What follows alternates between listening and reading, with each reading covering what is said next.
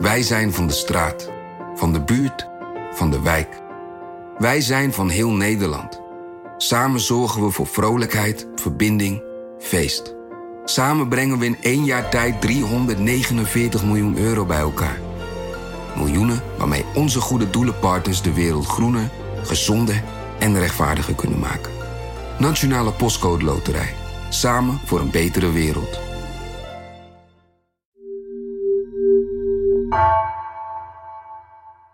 Voordat we beginnen, eerst dit. Deze donkere tijden vragen om lichtpuntjes. En in een tijd waarin er heel veel informatie op je afkomt, is het ook fijn als je op één plek terecht kunt voor wat journalistiek overzicht. En daarom geven we je bijna een maand lang gratis toegang tot alle stukken op nrc.nl en de digitale krant.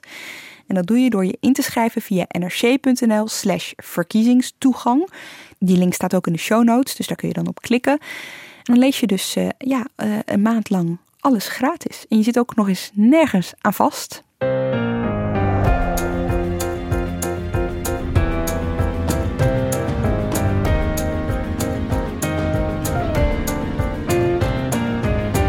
Dit is Haagse Zaken van NRC. Mijn naam is Lemja Aharwai.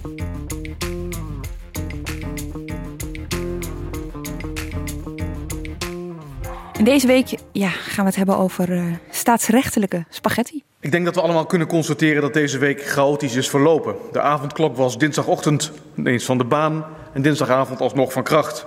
Waarschijnlijk hebben nog nooit zoveel Nederlanders live een rechtszaak gevolgd. En tussen de twee uitspraken door werd nog een rommelige persconferentie gegeven door de premier en de minister van Justitie. Een juridische tegenvaller noemde de premier het. Een wetsvoorstel ten overvloede zou naar de Kamer worden gestuurd, mocht het hoge beroep van de staat niet slagen. En nu staan we hier toch hals over kop een nieuw wetsvoorstel te behandelen. Regering, Staten-Generaal en de rechterlijke macht zijn in feite in een soort staatsrechtelijke spaghetti beland. De zaak is strikt genomen nog onder de rechter.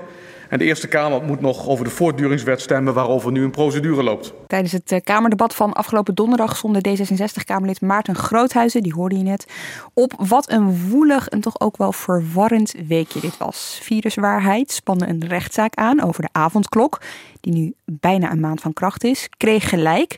Maar de opheffing van die maatregel werd vervolgens geschorst na een turbospoedprocedure. Ja jongens, we zitten inmiddels allemaal in, de, in het jargon.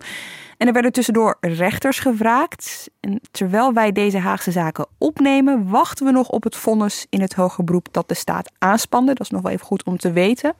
De uitspraak daarover komt dus, dat weten we inmiddels, volgende week. En in deze Haagse zaken bereiden we je voor op de uitspraak. Uh, je hoort ook wat er precies gebeurde in de afgelopen week.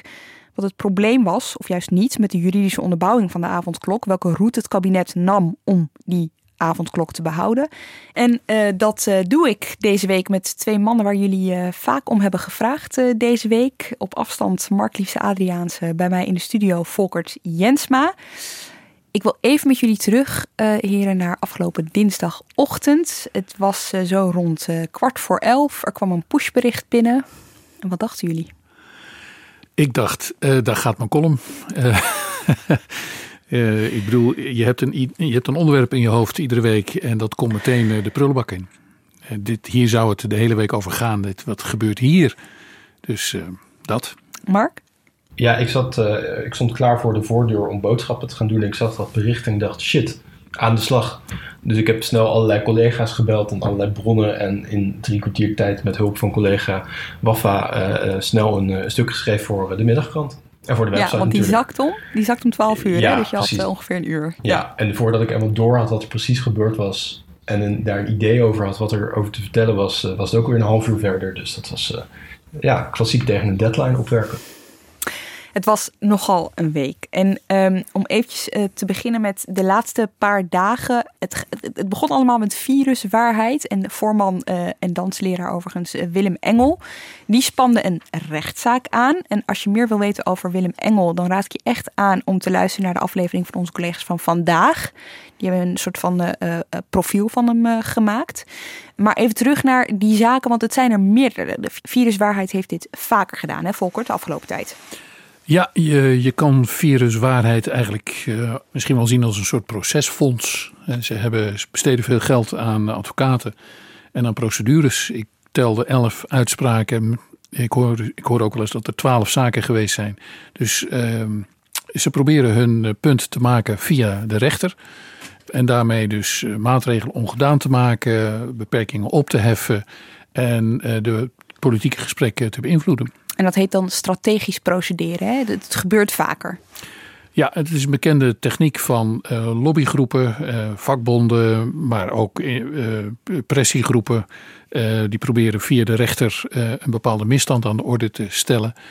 meestal op basis van grondrechten. en zo dus ehm, de wetgeving of het beleid in hun richting te veranderen.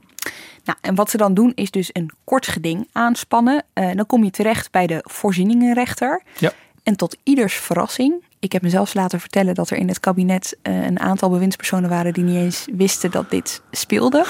Uh, kwam dat pushbericht binnen en daarin stond viruswaarheid is in het gelijk gesteld. Ja.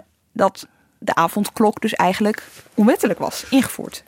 Klopt, ja. Ik had deze zaak ook niet op de radar staan trouwens. Als een club veel procedeert, dan wacht je gewoon op de uitslag. Uh, en uh, de echte verrassing hier was niet zozeer dat ze in het gelijk waren gesteld, maar ook dat de rechter dat gelijk ook onmiddellijk had gegund. Dus die avondklok was eigenlijk van rechtswege vervallen.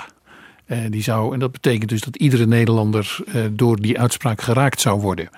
Nou, dat is uniek. Dat kennen we, dat komt eigenlijk nooit voor. En toen gebeurde er heel veel tegelijkertijd. Want je zou zeggen: oké, de rechter heeft die avondklok verboden. Maar uh, diezelfde avond gold de avondklok wel nog gewoon. Laten we het even hebben over die tussenliggende uren waarin er ontzettend veel gebeurde. Ja, ik weet niet waar jullie hebben zitten kijken, maar we hebben op de redactie in ieder geval met open mond zitten kijken naar wat zich daar allemaal voltrok. Ja, uh, de staat ging onmiddellijk in uh, hoger beroep. Die vroegen een turbo spoedappel aan. Had ik ook nog nooit van gehoord. Ik dacht dat het een gewoon appel zou zijn. En die vroegen dus om een eh, snelle datum om uh, opnieuw deze uitspraak te laten bekijken. En dat kregen ze voor vrijdag en dat was toen dinsdag. Dus toen was dus het perspectief dat ze de komende drie dagen geen avondklok zou zijn. Ja. En daar blijkt dus een, een, mogelijkheid te zijn om dat ene onderdeel van zo'n kort gedingvonnis apart opnieuw te laten toetsen. En dat heet een schorsingsincident.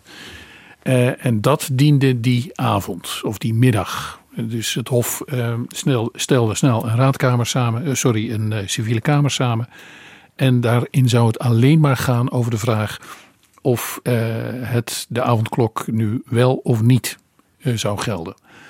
En of er dus gewacht kon worden op uh, de uitspraak die op vrijdag of later gedaan zou worden. Dus eigenlijk is de vraag dan, kan die avondklok van kracht blijven totdat de rechter zich, of totdat ja. het Hof zich opnieuw heeft geboden, uh, gebogen ja, over deze ja, zaak? Ja, dat heet dan een belangenafweging. Dus wegen de belangen van de staat om de avondklok te handhaven zwaarder dan de belangen van viruswaarheid om onmiddellijk te laten vervallen. Ja, er gebeurde gewoon heel veel in heel korte tijd. Ik bedoel, van uh, Willem Engel, die voor de camera zei dat op die avond op alle pleinen in Nederland een feestje gevoerd zou kunnen worden. Tot iedereen die uiteindelijk na negen uur toch nog thuis zat. Ja.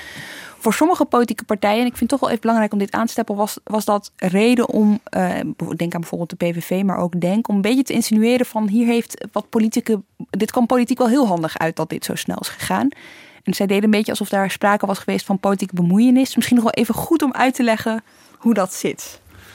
Ja, kijk, dat zijn natuurlijk insinuaties. Hè? Dat men probeert uh, uit die dramatische loop der gebeurtenissen toch boter te braden en uh, zijn eigen standpunt te, uh, te laten ondersteunen. Ik, ik onderken dat er. Uh, nou ja, dat, dat hier de macht onmiddellijk werd gecorrigeerd en de macht onmiddellijk ook een ruimte wist te krijgen om eventuele correctie voor elkaar te krijgen. Dus daar gebeurde echt iets. Maar het is niet ongebruikelijk. Hè. Rechters, eh, rechtbanken, gerechte hoven zijn allemaal in staat en bereid om snel te reageren. Om als er uh, ergens een snel verbod of een snelle toelating nodig is. Of er dreigt echt iets. Om daar dan ook uh, onmiddellijk voor de rechtszaal te openen en de partijen toe te laten. Um, en dat was in dit geval ook niet onredelijk dat dat zou gebeuren. Want de staat heeft grote belangen. Ik bedoel, de openbare orde in heel Nederland stond op het spel. We zijn nog nauwelijks hersteld van de rellen over dit, over dit onderwerp. Dus dat er meteen uh, die mogelijkheid was, is, is, is uh, tamelijk uh, redelijk. Oké, we hoeven er niet helemaal doorheen, maar toch nog even voor de volledigheid. Wat gebeurde er? viruswaarheid wraakte op een gegeven moment het Hof. Dat wrakingsverzoek is afgewezen. Uiteindelijk heeft het Hof besloten dat die avondklok dus intact moest blijven tot de, het Hof een, opnieuw een uitspraak zou doen in, in de zaak. Dat gebeurt dus deze vrijdag of volgende week. Dat hangt er nog een beetje vanaf om het allemaal even extra vaag te maken. Volgende week. Het, eigenlijk... het, het, is net een bericht, het is volgende week. Oh. Oh, Volgende week vrijdag wordt een schriftelijke uitspraak gedaan, zei voorzitter Tante Sonneville, nadat ze alle argumenten had gehoord. Oh, dan maken we het meteen heel actueel. Dus dat betekent dan dat de ja. avondklok dus wel tot die tijd ook gewoon blijft gelden? Zeker. Oké. Okay. Nou, eigenlijk wil ik het vooral met jullie hebben over de um, ja, juridische ijsbaan met heel veel uh, gaten erin, zal ik het zo noemen? De spaghetti. van, de afgelopen, van, uh... van de afgelopen tijd. Want um, kijk, het kabinet wilde een avondklok of dacht daar eigenlijk al maandenlang over na. En dan wil ik met jullie bespreken wat zijn de routes die ze hadden kunnen nemen en die ze hebben genomen. Eerst maar eens even, welke routes heb je? Je hebt er eigenlijk twee. Je kunt via de WBBG gaan, hè? dat is de, de Wet Buitengewone Bevoegdheden Burgerlijk Gezag. Dat is een wet die is bedoeld voor acute noodsituaties, waarin je eigenlijk niet meer volstaat of eigenlijk niet meer de tijd hebt om een wet of een maatregel langs het parlement te, te loodsen. Um, denk aan een dijkdoorbraak, denk aan uh, een, een, reeks aanslagen in het land waardoor, waar, waar meteen hele vergaande maatregelen voor nodig zijn. Uh, om die te stoppen, denk aan het kabinet dat niet meer kan functioneren.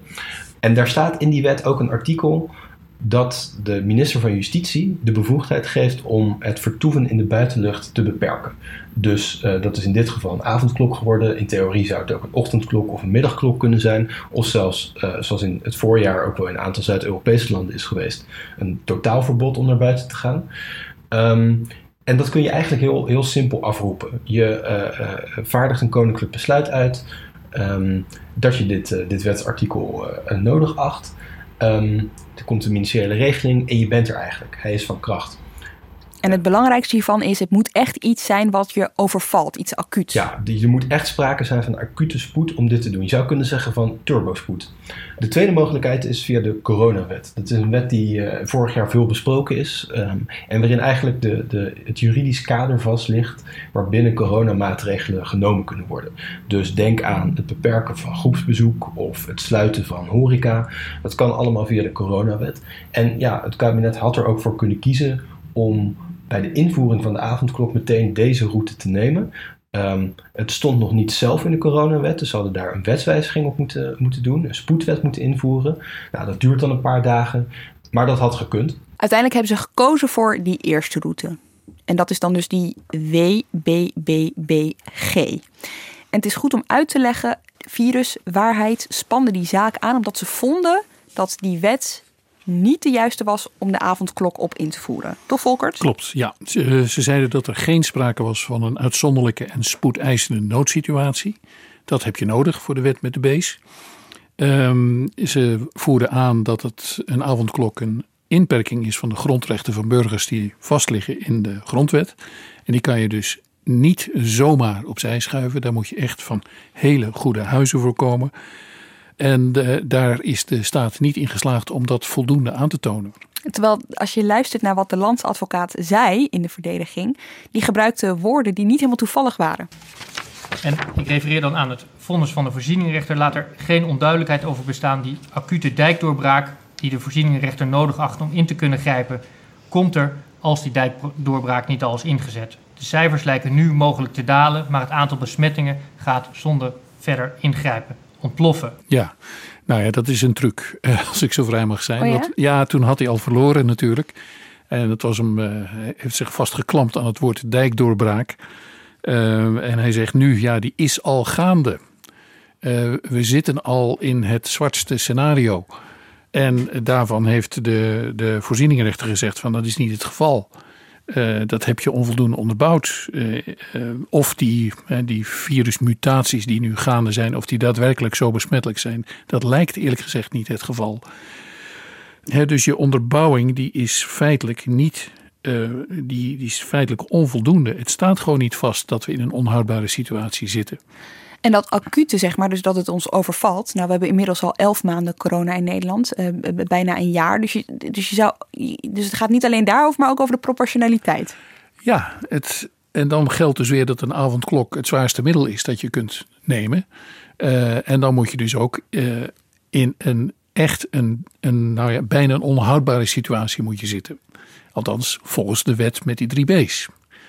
Uh, hè, dat is alle hens aan dek, uh, iedereen uh, zandzakken vullen, iedereen ja. binnenblijven, dat type maatregelen. Ja. en de realiteit is dat we in een proces zitten met allerlei onzekerheden.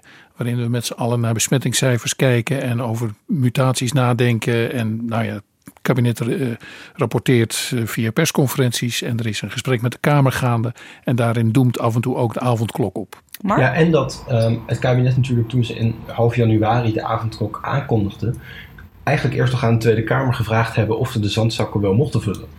Um, ze hebben niet meteen uh, uh, alles in het werk gesteld om die avondklok uh, meteen per direct, omdat het zo hard nodig was, in te voeren of te laten gelden, van kracht te laten zijn. Maar ze hebben eerst aan de Tweede Kamer gevraagd Um, of die het daarmee eens was. Nou, er was toen een half uurtje bijgekomen met dank aan D66, waar het kabinet vermoed ik deze week erg blij mee was, omdat de uitspraak dinsdagavond om tien voor half negen was. Um, nog net op tijd dus. Maar daardoor, en dat is er een spanning ontstaan tussen de acute spoed waar de WBBG ja, om vraagt. En de procedure die, die het kabinet heeft gekozen en die ertoe leidde dat ze op dinsdagavond de, de, de, de avondklok aankondigden. Um, er vervolgens op zaterdagavond pas in die te gaan. Nou, wat Mark zegt, daar zijn ze dus precies opgepakt door de voorzieningenrechter. Uh, die heeft dus geconstateerd dat uh, uh, het kabinet wel degelijk tijd en ruimte had om met de Kamer te praten. En alleen daar blijkt al uit dat er geen acute noodsituatie was. Want als die er wel is, dan is die tijd er niet. Met andere woorden, die avondklok die hangt aan de verkeerde wet. Of die hangt eigenlijk in het luchtledige. Uh, dus ja, die is eigenlijk van rechtswege vervallen. En moest daarom inderdaad worden uh, opgeheven. Dat hoorden we dus dinsdagochtend. Wat ik me wel afvraag, uh, Volkert, is: is er ook een, zeg maar, dus de rechter had kunnen zeggen: die avondklok is, mag doorgaan op basis van deze wet. Zij hebben gekozen voor het tegenovergestelde. Is er ook iets in het midden? Hadden ze ook kunnen zeggen. Um, ja, kabinet, gaat toch nog even terug naar de Kamer of zo? Ja, nou ja, kijk, het, uh, voor juristen is het en voor, ja, voor, voor, voor iedereen die geïnteresseerd is in de verhouding tussen de, de rechter en de politiek, is het heel opvallend uh, dat de rechter hier acuut ingrijpt. Echt een voldongen feit schept. Zegt die avondklok is vervallen, punt uit. Uh, dat is zeldzaam. Uh, de rechter, en zeker die in kort geding, is over het algemeen heel bescheiden en probeert uit het directe domein van de macht te blijven. Um, tenzij er iets heel bijzonders aan de hand is. En hier zie je dus een rechter die de avondklok voor iedereen afschaft. En dat had misschien niet gehoeven. Ik bedoel, je hoort in de wandelgangen nu ook wel zeggen van ja, maar die, die, die, die is te ver gegaan. Die, die rechter die had net zo goed kunnen zeggen.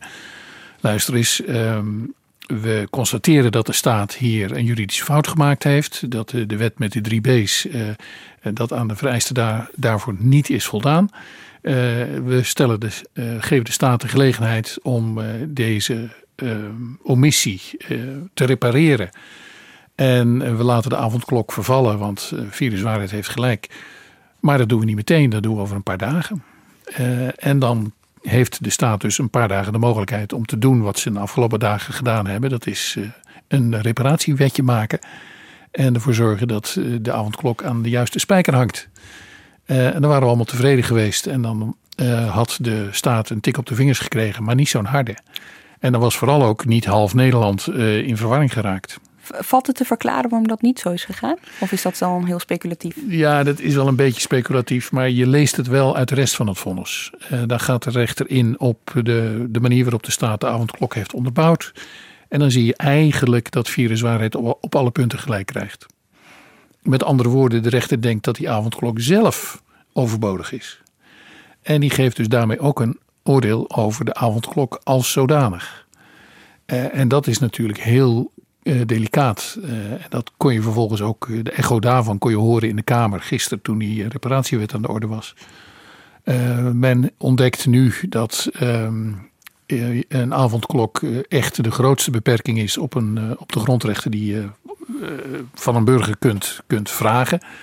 En, dat je dan ook die eh, eh, zodanig moet motiveren eh, dat er geen spel tussen te krijgen is. En die spelden, nou, die lagen voor het oprapen.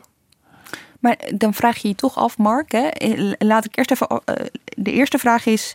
Waarom hebben ze uiteindelijk voor deze route gekomen, het kabinet, eh, gekozen, het kabinet? Ja, dat heeft de Raad van State zich begin deze maand ook afgevraagd. De Raad van State heeft een advies uitgebracht over de avondklok en over de, de, de, de, de wet, het wetgevingsproces daarvan. Ze hebben toen ook aan het kabinet gevraagd. Of ze hebben eigenlijk die spanning die nu deze week eh, door de rechter eh, als, als te groot is geconstateerd, hebben zij toen ook al opgemerkt. Dus tussen de vereiste spoed en de procedure die het kabinet gevolgd heeft. Um, de Raad van State heeft nu ook aan het kabinet gevraagd: waarom doen jullie het eigenlijk op deze manier? En leg het nou eens wat beter uit. Um, en het kabinet reageerde daarmee in de persoon van, van minister van Justitie Grapperhaus dat um, ze, uh, ze, dit uh, uh, uit democratisch oogpunt belangrijk vonden. Dus ze vonden, hè, als we een maatregel gaan nemen die zo vergaand is als de avondklok, mm -hmm. dan wil je daar eigenlijk politiek draagvlak voor hebben. Um, en ten tweede, ze hebben voor deze juridische weg gekozen, omdat ze dachten dat een spoedwetgeving, hè, wat, wat, wat uh, Volkert net ook al als optie noemde, um, te veel tijd in beslag zou nemen omdat je dan een normaal wetgevingsproces hebt, met dus de rol voor de Raad van State en voor beide kamers. Um, en dat zou te vertragend geweest zijn. Uh, nou, het boeiende is dat we, waar we op dit moment in zitten, hè, het is nu vrijdag, de Eerste Kamer praat op dit moment over de spoedwet. Gisteren heeft de Tweede Kamer erover gesproken. Uh, woensdag heeft de Raad van State zich uh, erover uitgesproken. Dat dat eigenlijk precies dezelfde snelheid is als waarmee de, de avondklok in januari op een andere juridische wijze is uh, ingevoerd. Ja, en dit is wel belangrijk, want je, je noemt nu de spoedwet. Um, toen het kabinet begreep dat ze niet meteen in hun uh, gelijk werden gesteld door, uh, door de rechter, dachten ze, dan moeten we maar meteen een achterdeur, ja, een, een, een, dubbele slot gaan, gaan, gaan bedenken. En dat is de spoedwet, hè, waar je het nu over hebt. Ja, de spoedwet. En dat is um, eigenlijk precies dezelfde regels. Hè. Dus de avondklok die zal ook vanaf 9 uur s'avonds gelden tot half 5 enzovoort. in principe tot 2 maart. Komende week gaan we het overigens hebben over de mogelijke verlenging daarvan. Dus dat, dat zal ook wel weer interessant gaan worden. Ook wel weer een week die door de avondklok gedomineerd kan gaan worden. Uh, dus uh, burger hoed u zelf.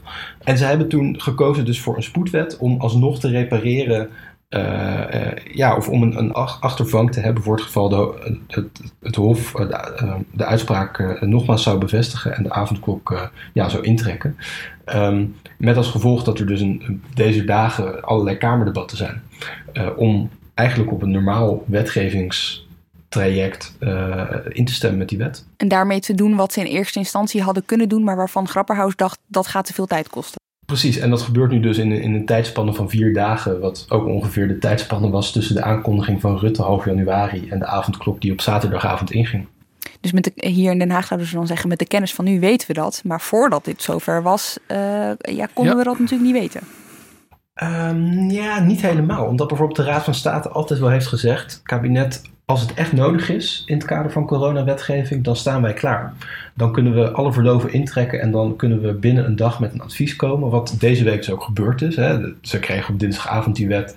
Uh, ongeveer twaalf uur later hebben ze die weer met advies naar het kabinet gestuurd. Uh, ze hebben een nachtje doorgehaald bij de Raad van State. Ja, daar had het kabinet ook in januari over kunnen kiezen. Ja, we hebben eigenlijk een soort openbare demonstratie spoedwet gezien deze week. Met dank aan de voorzieningenrechter die duidelijk maakte dat uh, de avondklok uh, op leme voeten staat. Ja. En die spoedwet waar jullie het nu over hebben, hè, die is dus wel gewoon, die maakt onderdeel uit van uh, ja, die tweede route waar we mee begonnen, ja. Mark. Die, dat is die coronawet. Ja, de coronawet, hè, dat is de, wet die vorig jaar is, is, is, is ingesteld om coronamaatregelen een betere juridische basis te geven daar zitten allerlei mogelijkheden in om coronamaatregelen te nemen. Je kan de groepsgrootte beperken, je kan sectoren sluiten, enzovoort, enzovoort. Maar de avondklok stond daar niet in. Um, en dat komt ook wel omdat de Tweede Kamer eigenlijk de mogelijkheid eruit heeft gehaald voor het kabinet om in een acute noodsituatie, daar is die weer, een hele verregaande maatregel te nemen. Er stond in eerste instantie een bepaling in die coronawet dat het kabinet, wanneer het echt niet anders kon en er echt een noodsituatie was, maatregelen kon nemen zonder de Tweede Kamer erbij te horen. Ehm, maar de Tweede Kamer vond het eigenlijk ja, te veel macht geven aan het kabinet. Dus dat hebben ze eruit gehaald. Ja, dat had de juridische basis kunnen zijn om uh, op hele gemakkelijke wijze de avondklok via de coronawet uh, in te voeren. Nou, dat is uiteindelijk dus niet gebeurd. En nu wordt het met een spoedwet alsnog onderdeel gemaakt van die coronawet. Dus hier valt de Kamer eigenlijk ook wel iets te verwijten. Ja, en, absoluut. En de Kamer heeft, heeft ook in januari, toen voor het eerst gedebatteerd werd over de coronawet, eigenlijk alleen dit, dit grotendeels genegeerd. Kees van der Staaij van de SGP die had wel twijfels over de juridische basis. Voorzitter, een ander punt. Met de avondklok gaan we een grens over. De grens namelijk van de coronawet. De wet waar we in deze Kamer, na veel wikken en wegen, ja tegen hebben gezegd. Want deze maatregel komt namelijk niet uit de coronawet, uh, maar er wordt nu een wet van stal gehaald die een soort erfenis uit de Koude Oorlog is. En primair bedoeld is om oproer te bestrijden en de openbare orde te bewaken.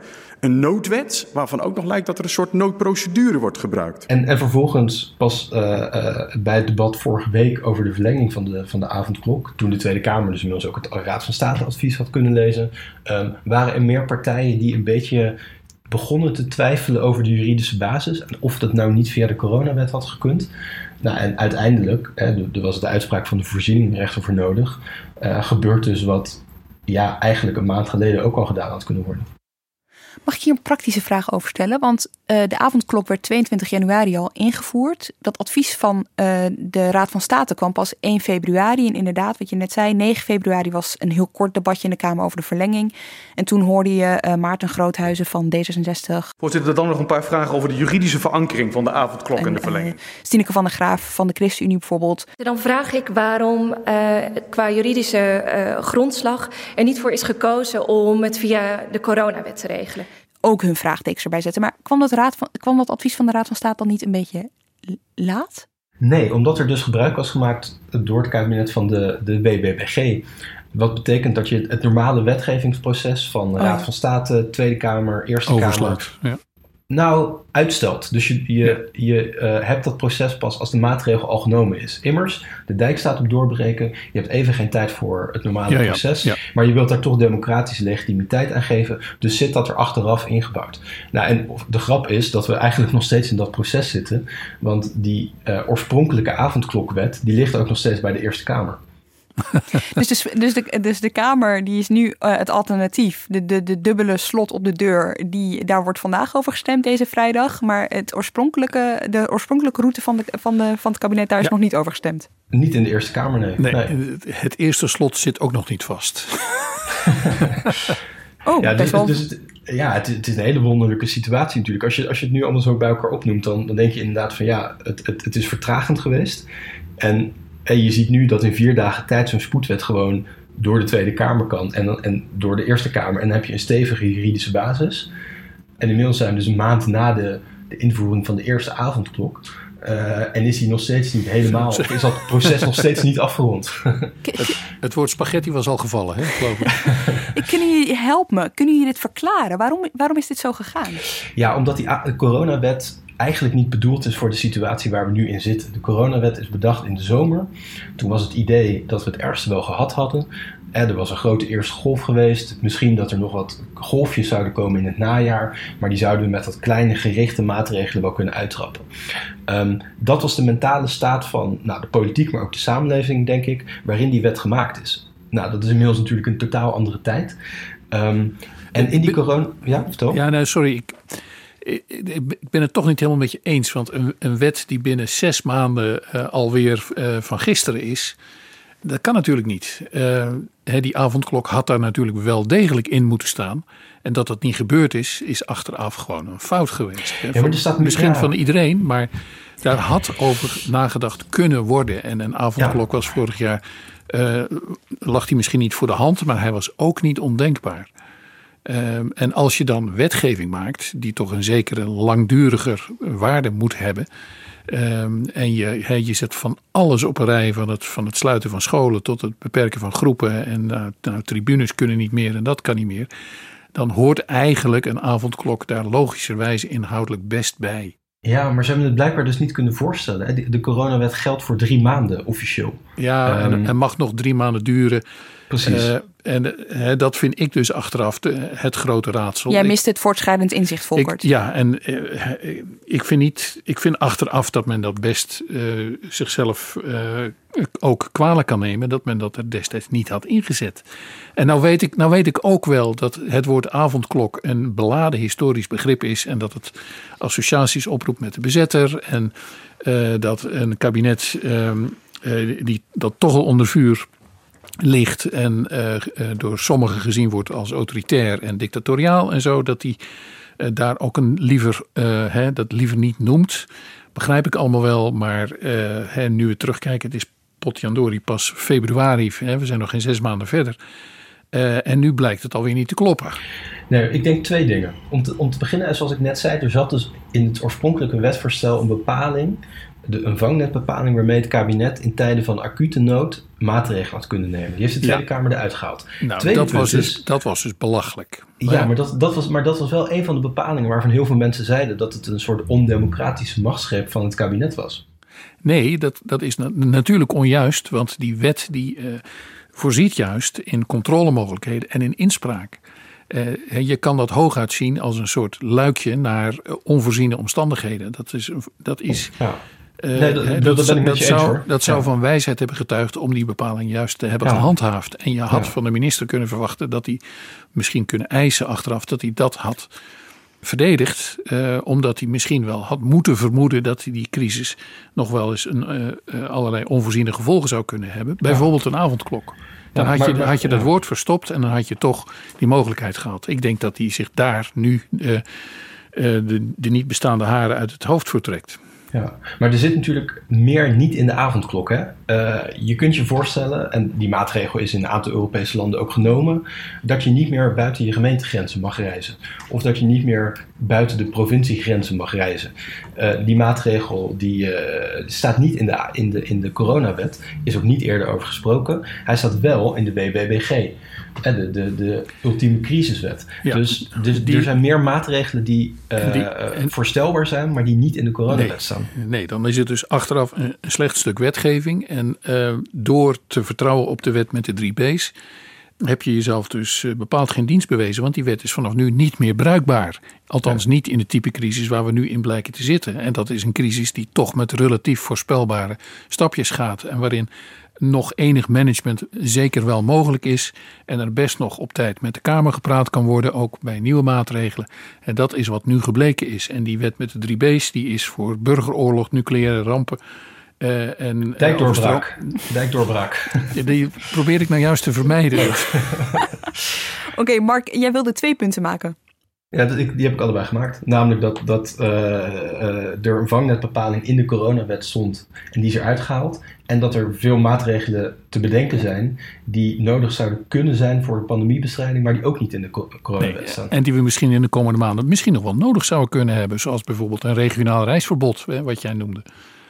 Eh, En mijn, ja. en mijn punt is dus dat de voorzieningenrechter de wet met de drie B's uit de lucht heeft geschoten als praktisch eh, middel om in deze crisis nog iets mee te doen. Nog even los van wat het Hof eh, volgende week vrijdag ons gaat vertellen. Mag ik hier nog een beetje een lekenvraag over stellen? alsjeblieft, Want ja. kijk, het kabinet had dus twee routes. Hè? Koos voor de route waarin ze de Kamer niet als eerste hoefden te spreken, maar waarin Ja. ze dus heel snel konden handelen. Ze kozen voor de alarmknop. Voor de alarmknop, inderdaad. In die coronawet, die je net eh, duidelijk hebt eh, uitgelegd, eh, Mark, heeft de Kamer juist een rol voor zichzelf opgeëist. Wacht, ik had hier een hele interessante gedachte over, maar ik ben hem kwijt. Ja, nee, maar die, daar heb je gelijk in. Want die, die, die wet die wordt dus sterk bekritiseerd. Maar dat was juist een antwoord op de ondemocratische toestand waar we in zaten. Met al die noodverordeningen. Ja, precies. Die tijdelijke wet die zou de Kamer de regie geven. Althans, controle op de regie. Die de Kamer zou geïnformeerd worden. Tijdig wat er aan zat te komen. Had een vorm van inspraak. Kon af en toe nog eens iets tegenhouden. eh, of achteraf eh, weer terugdraaien. Eh, de Kamer kreeg gewoon een echte rol. Dank, dat was hem. Ja, je hebt mijn gedachte heel goed afgemaakt. Dus de vraag die ik dan heb is: uiteindelijk lijkt dat dan ook een beetje een soort van, ja, zonder, zonder ja, schijnvertoning is een beetje een hard woord. Maar dus dat, de, dat het kabinet aan de ene kant tegen de Kamer zegt: oké, jullie krijgen meer te zeggen. En aan de andere kant, als het er echt op Nou, de aankomt. Tweede Kamer heeft, heeft dat afgedwongen. Hè? De Tweede Kamer heeft heel erg met het kabinet onderhandeld om uh, om in die coronawet allerlei uh, mitsen en maren te krijgen, zodat de Kamer bij coronamaatregelen vooraf dan wel achteraf uh, instemming zou moeten geven. En trok aan het langste eind uiteindelijk, toch? Want ze hebben hun zin gekregen. Zeker, zeker ja, ze hebben hun zin gekregen. En de, het boeiende is dat, dat de eerste keer dat, dat de coronawet, de, of de dynamiek zoals de Kamer die heeft, heeft ja, overwonnen in de coronawet, dat die gebruikt kon worden in december bij de lockdown, dat de Kamer daar toen geen gebruik van heeft gemaakt. Het kabinet heeft er geen, niet vooraf gebruik van gemaakt door de Kamer vooraf ja, om instemming te vragen voor de lockdown. Maar de Tweede Kamer heeft ook achteraf niet aan de bel getrokken en gezegd: Nou, nou kabinet, we gaan het er nog eens over hebben. En we willen eigenlijk wel gaan stemmen over die lockdown. Dus in de praktijk is die wet de afgelopen maanden, ondanks dat er er heel lang over gegaan is, ja, niet echt niet gebruikt, gebruikt door de Tweede Kamer. Nee. nee. nee dat is wel ook wel teleurstellend hoor, eerlijk gezegd. Nou, hij, hij loopt binnenkort af, hè? Dus uh, ja. Over drie maanden, kabinet, nee, volgens mij maar dat is die, dat is die, een paar weken. Over een paar weken. is die vervloekte coronaconsensus. Hè, dat we volgen het kabinet uh, en we, houden er, we stellen er een paar vragen over en klaar is Kees. En dan heb je een, een, wetgeving, een stuk wet waar je wat mee kan en dan doe je het niet. Ja, juist daarom, om mijn gedachten even ja. af te maken, verbaast me dus dat het kabinet uiteindelijk toch die W met al die B's gebruikt. Terwijl ja. ze in die coronawet überhaupt al niet heel veel met de Kamer van doen hadden. Voordat ze maatregelen instelden. Ja, uh, ze hebben de, de wet met de drie B's hebben ze overschat. Uh, voor, voor, op, op zijn bruikbaarheid. Uh, en ze hebben niet de politieke moed gehad om het woord avondklok ja. in een artikeltje te zetten. En dat vervolgens naar de Kamer te sturen. Zodat het alsnog in de coronawet opgenomen zou kunnen worden. Dan ga ik jullie nu een gewetensvraag stellen. Oh hadden, hadden jullie er nou bij stilgestaan? Dat dit zou kunnen gebeuren? Want Mark, jij vertelde net, hè, je, had, uh, je, ja. je, je, volgt de juridische procedure vanaf het uh, begin. Is dit iets waar je van dacht van dit kan nog wel eens uh, ja, niet gewoon misgaan? Nee, eigenlijk niet. Nee, als ik heel eerlijk ben, niet. Kijk, ik heb, ik heb het advies van de Raad van State begin februari uitgebreid gelezen.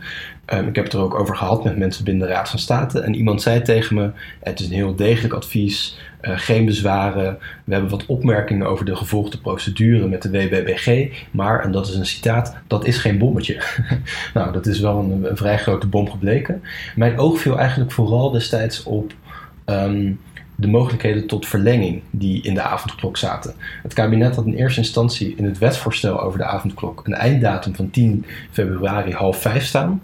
Um, en die hebben ze er op, op advies van de Raad van State uitgehaald. Nou, ik vond dat relevant, omdat toen al die discussie begon te spelen over eventuele verlenging. Mm-hmm. We hebben het er volgens mij, hey, ik heb het toen niet opgeschreven, maar we hebben het wel een redactievergadering over gehad. Ook omdat ik dacht, nou, het, het is goed als we een beetje bewust zijn zeg maar, van die juridische ruimte die het kabinet zichzelf gegeven heeft. Mm-hmm. Maar dat, het, dat, dat ze hier op die WBBG uiteindelijk nat zouden gaan bij de voorzieningenrechter, dat had ik echt niet, uh, niet voorzien. Volgens mij hoefde niemand zich uh, zorgen te maken. Uh, de Raad van State had wel opmerkingen, maar die waren ook heel omzichtig geformuleerd. Ze zeiden. Uh, mogelijk is de wet BBG daarvoor slechts wellicht beperkt bruikbaar. En nou, dat is een zeer omvloerste waarschuwing. Daar zijn ze wel eens scherper in. Ja, uh, dus dat is iets. Uh, oh ja, dat, daar zouden we misschien nog eens naar kunnen kijken. Er is, eventueel is daar een risico. Um, ja, dus voor, voor iedereen en zeker ook uh, voor, denk ik, de ingevoerde ambtenaren en, en Kamerleden was het een verrassing dat de voorzieningenrechter hier een keiharde conclusie aan verbond. Even, hè, want die, die spoedwet gaat nu dus door beide kamers, of tenminste al aangenomen door de Tweede Kamer, straks hoogstwaarschijnlijk aangenomen door de Eerste Kamer. Dan gepubliceerd in de Staatscourant en daarmee van kracht. Ja. Um, stel nou dat in het hoge beroep, en we weten dus volgende week ergens komt, uh, komt uh, de uitspraak daarin. Stel nou dat uh, die zegt nee, het, het mocht wel gewoon op basis van die WBBBG.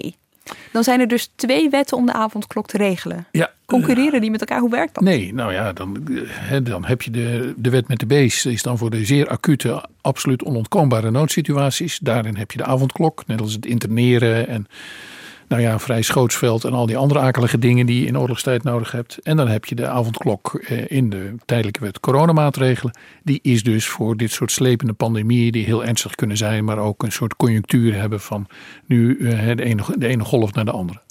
Heb je dus op je dashboard twee knoppen. Meer dan dat is het niet. Nee, ik vermoed wel dat, dat um, eh, de Kamer, en dat was donderdag in het debat ook al wel een beetje te horen, eigenlijk gewoon het bij deze spoedwet wil gaan houden. Eh, dit is wat de Raad van State een maand geleden al opmerkte, wat Kees van der Staaij een maand geleden opmerkte, wat vorige week een deel van de Kamer ook al opmerkte. Ehm, laten we het maar gewoon bij de coronawet houden. Ik vermoed dat dat uiteindelijk gewoon de politieke consensus zal zijn. En betekent dat dan dat, omdat het dus onderdeel uitmaakt van de coronawet, die dus wel voorschrijft dat de Tweede Kamer zich eerst moet uitspreken over de maatregelen die het kabinet wil nemen, ook al maken daar dus blijkbaar eh, weinig tot geen gebruik van. Dus als de, het kabinet straks weer een avondklok zou willen instellen, dan zouden ze dat uiteindelijk toch eerst langs de Tweede Kamer moeten gaan brengen? Nee, volgens mij niet. Nee. Nee. Omdat het gaat om, vervolgens gaat het om een ministeriële regeling. Ehm, en die hoef je niet aan de Kamer voor te leggen. Nee, moet je, er was toch een voorhangprocedure? Even fijn eh, techniek? Leuk jargon, kom er maar in. Het, was nog niet technisch genoeg.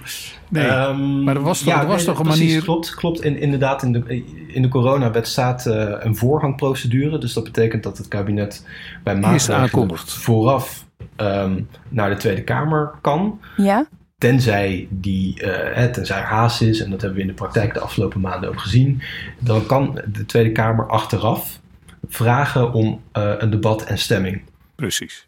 Dus er zit hier een haasje over in waar de, je hoeft geen instemming te vragen. Er zit dus een spoedelement in de, de, de coronawet. Maar ik denk overigens in de praktijk dat ze het wel vooraf gaan doen hoor, bij avondklok. Want we hebben natuurlijk Natuurlijk. afgelopen maand gezien dat, de, precies, dat het kabinet eh, het politieke draagvlak in de Kamer be- beslissend vond voor de Ja. avondklok. Dus ik vermoed dat we komende week eh, gewoon weer een debat gaan hebben over de avondklok. Want die loopt over anderhalve week af. En deze heisa heeft alleen maar bijgedragen aan het afnemen van het draagvlak.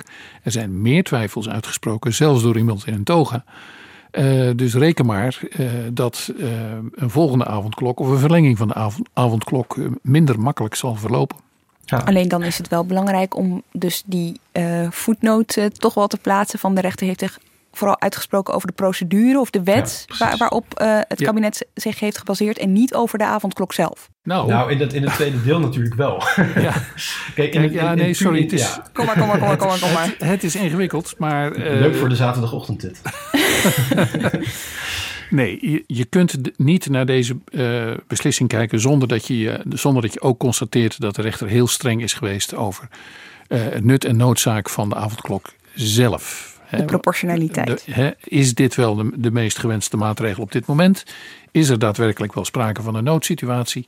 En is die wel acuut genoeg? Eh, en eh, weten we wel voldoende eh, van de effectiviteit van een avondklok? Dit alles om te kunnen afwegen of die inperking van de individuele vrijheid wel gelegitimeerd is. En daar zegt de rechter een heleboel strenge dingen over. Eh, en nou is weliswaar is het, het, het, draai, hè, de, het kernstuk in, de, in dat vonnis is, eh, hè, jullie hebben de verkeerde wet gekozen. Maar er is wel degelijk getoetst eh, of de avondklok als zodanig überhaupt wel een, een nuttig middel is. En was dat een extraatje van, van het Hof? Of was Nee. dat, lag dat ook al in de vraag van viruswaarheid? eh, Nee, ja, dit is natuurlijk precies waar viruswaarheid het over wilde hebben. Namelijk, is er wel een pandemie? Is het allemaal wel zo gevaarlijk? Eh, staan we wel aan het begin van de golf besmettingen? Eh, worden we niet eh, bang gemaakt? Worden we niet opgesloten door een, een kabinet dat een andere agenda heeft dan deze, dan deze pandemie? Nou, op die laatste dingen, daar gaat de rechter niet in. Maar er wordt wel degelijk tegen de staat gezegd: jullie hebben het onvoldoende onderbouwd, onvoldoende gefundeerd. Ehm, je, je kan niet een avondklok invoeren tegelijkertijd met een andere maatregel en dan zeggen de avondklok heeft positieve effecten. Dan kan het ook aan die andere maatregel want het is liggen. niet te herleiden. Het is niet te herleiden. Waarom Dus wilde de- ik er bij Volkert? Ik, het, eh, toen ik het, het, het, eh, de uitspraak las van de week, toen dacht ik, nou, de rechter gaat eigenlijk best ver Ja. in interpretatie en, en meningsvorming over een politiek besluit. En op dat soort momenten denk ik vaak, wat moet Volkert think? Ehm, dus hoe keek jij hier naar? Denk je dat, dat, zie jij vaker dat rechters zo ver gaan in uitspraken?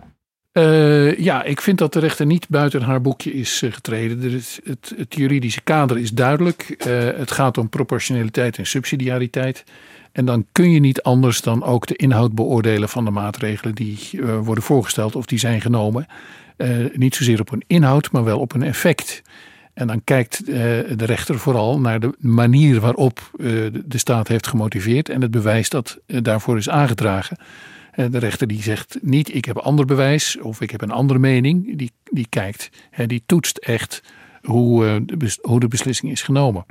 Um, dus ik was hier niet, ik, ik, ik keek hier niet heel erg uh, van op in dat opzicht. En dat hoger beroep, even voor de duidelijkheid, gaat dat dan straks ook hierover, over de, over de proportionaliteit van die avondklok, of gaat dat alleen over die juridische onderbouwing? Ik kan me niet anders voorstellen dan dat die twee, net als in dit vonnis, ja.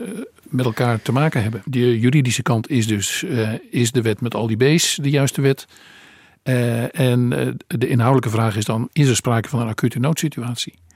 Ja. En dan zit je dus meteen in de vraag, wat is dat eigenlijk wat we nu meemaken? Is dat een dijkdoorbraak van besmettingen, zoals de landsadvocaat zegt?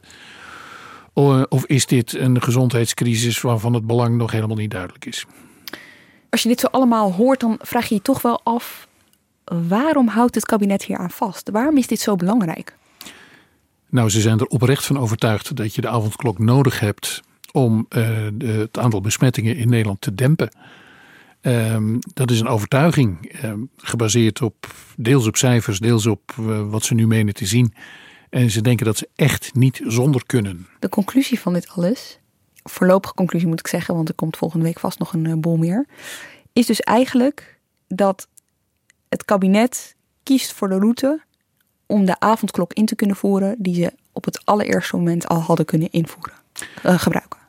Uh, ja, ze hadden uh, wat ze nu in de afgelopen dagen hebben gedaan, hadden ze ook al drie maanden eerder kunnen doen.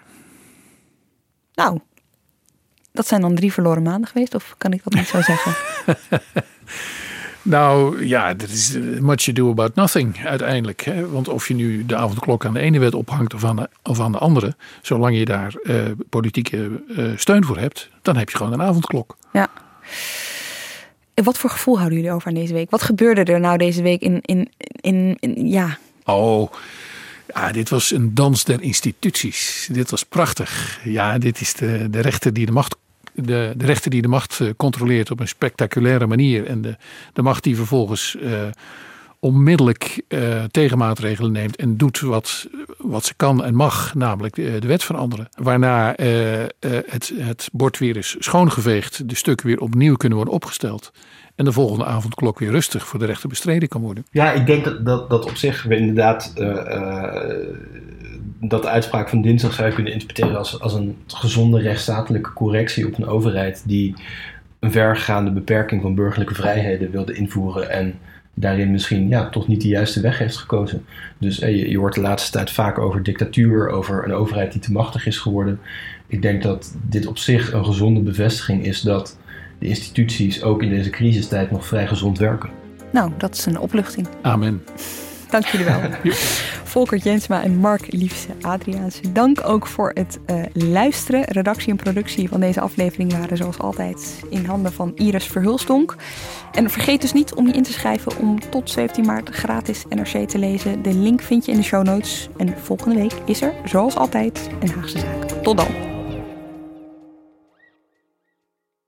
Ik ben al jaren ondernemer, maar Waar moet ik eigenlijk allemaal aan denken nu ik voor het eerst personeel wil aannemen, voor het eerst ga importeren of voor het eerst een bedrijfslocatie zoek? Weet wat je wel of niet moet doen bij zaken die je voor het eerst oppakt.